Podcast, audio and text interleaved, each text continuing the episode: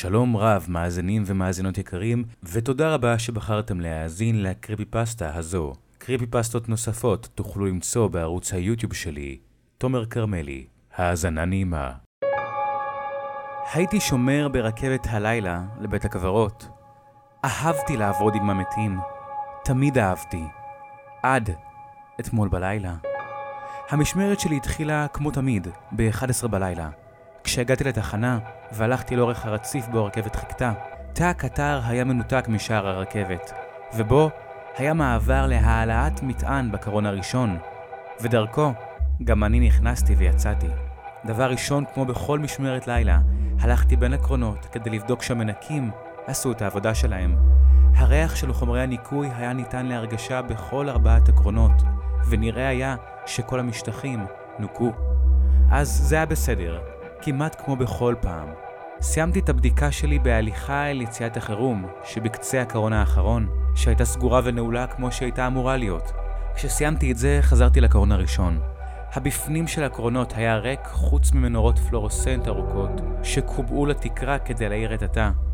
יצאתי דרך כניסת טעינת המטען, והלכתי לברך לשלום את האנשים שהעלו את המטען אל הרכבת. היה שקט בתחנה. רכבת הנוסעים האחרונה יצאה לפני חצי שעה, ואני עבדתי על רכבת האקספרס.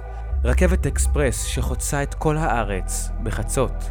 רוב האנשים לא מכירים את רכבת הלילה שעבדתי בה. פשוט עשינו את מה שעשינו, בשקט בלי שאיש רואה.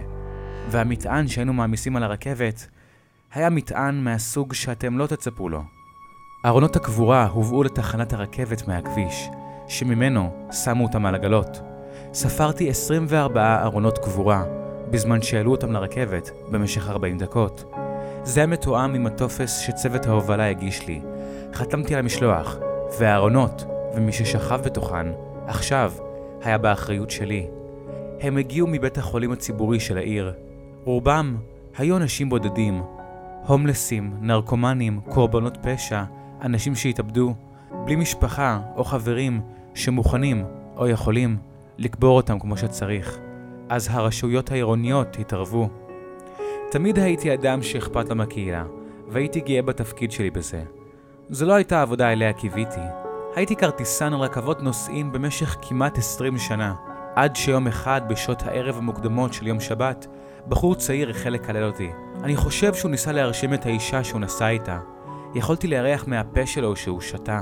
הוא המשיך לקלל אותי, בכל מיני גסויות, עד שהבאתי לו כף על הפרצוף. רק פעם אחת, לא כזה חזק. הם רצו לפטר אותי, אבל התעקשתי. אז הם הציעו לי עבודה כשומר ברכבת הלילה. הסכמתי. אם לא לעבוד עם אנשים חיים, אז לפחות לעבוד עם אנשים מתים. עשיתי את ההליכה השנייה שלי באותה המשמרת.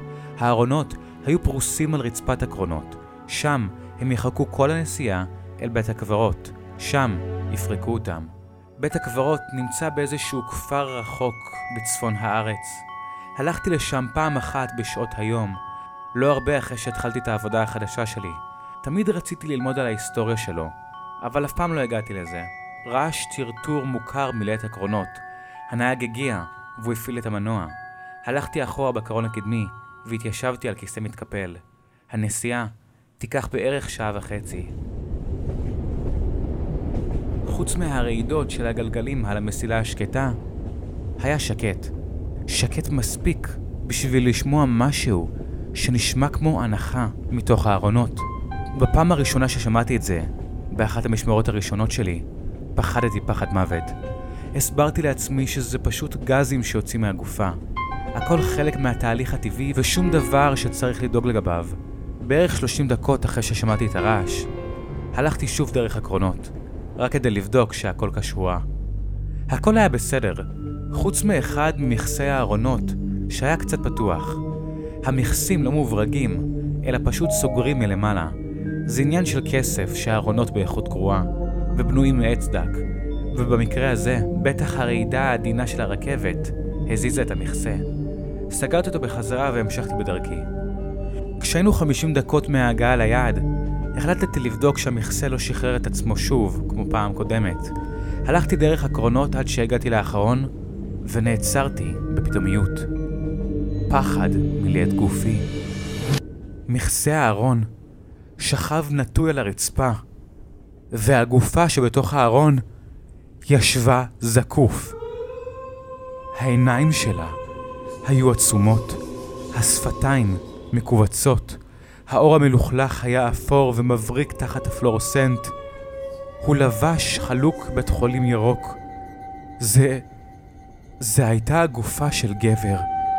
ראיתי קעקוע על הצוואר שלו. ארבע אותיות שחורות. ג'יין. האם זו הייתה אשתו? או אולי מאהבת? תהיתי.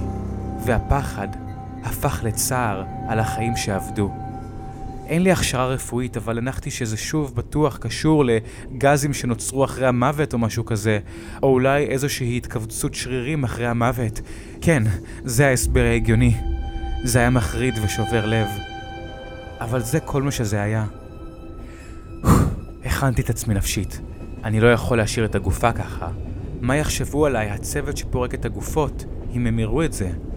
לפעמים זה מרגיש שהגאווה שלי היא כל מה שנשאר לי בחיים, וזו הייתה הגאווה שגרמה לי להתקרב אל הגופה.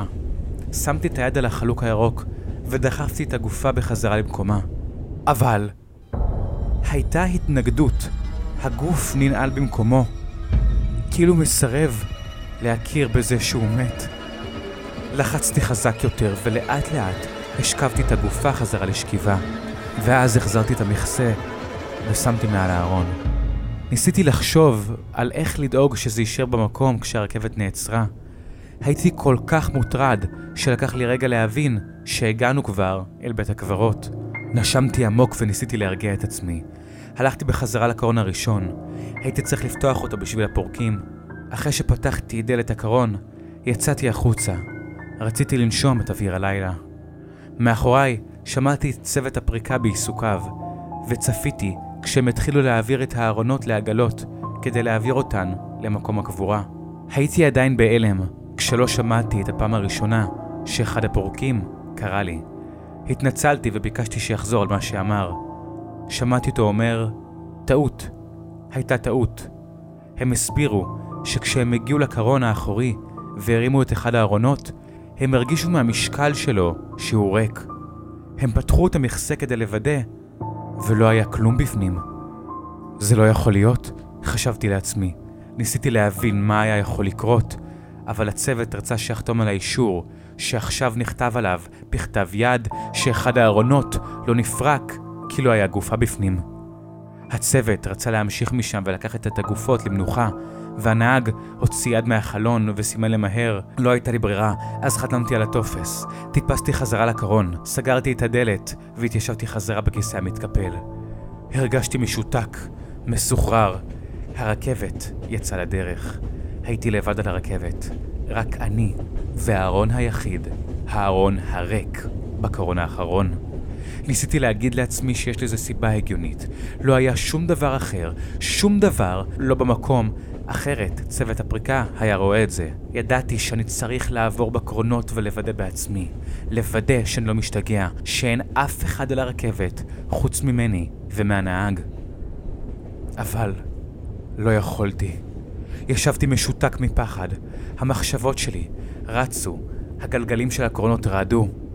ואז שמעתי את זה. רעש חדש.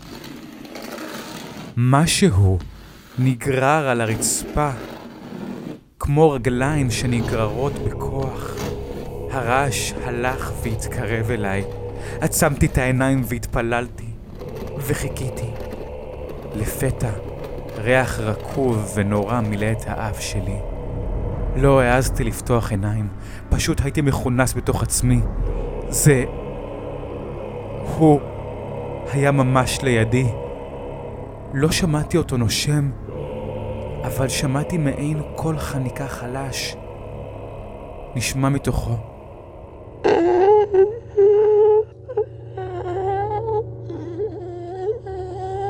פשוט לך לישון!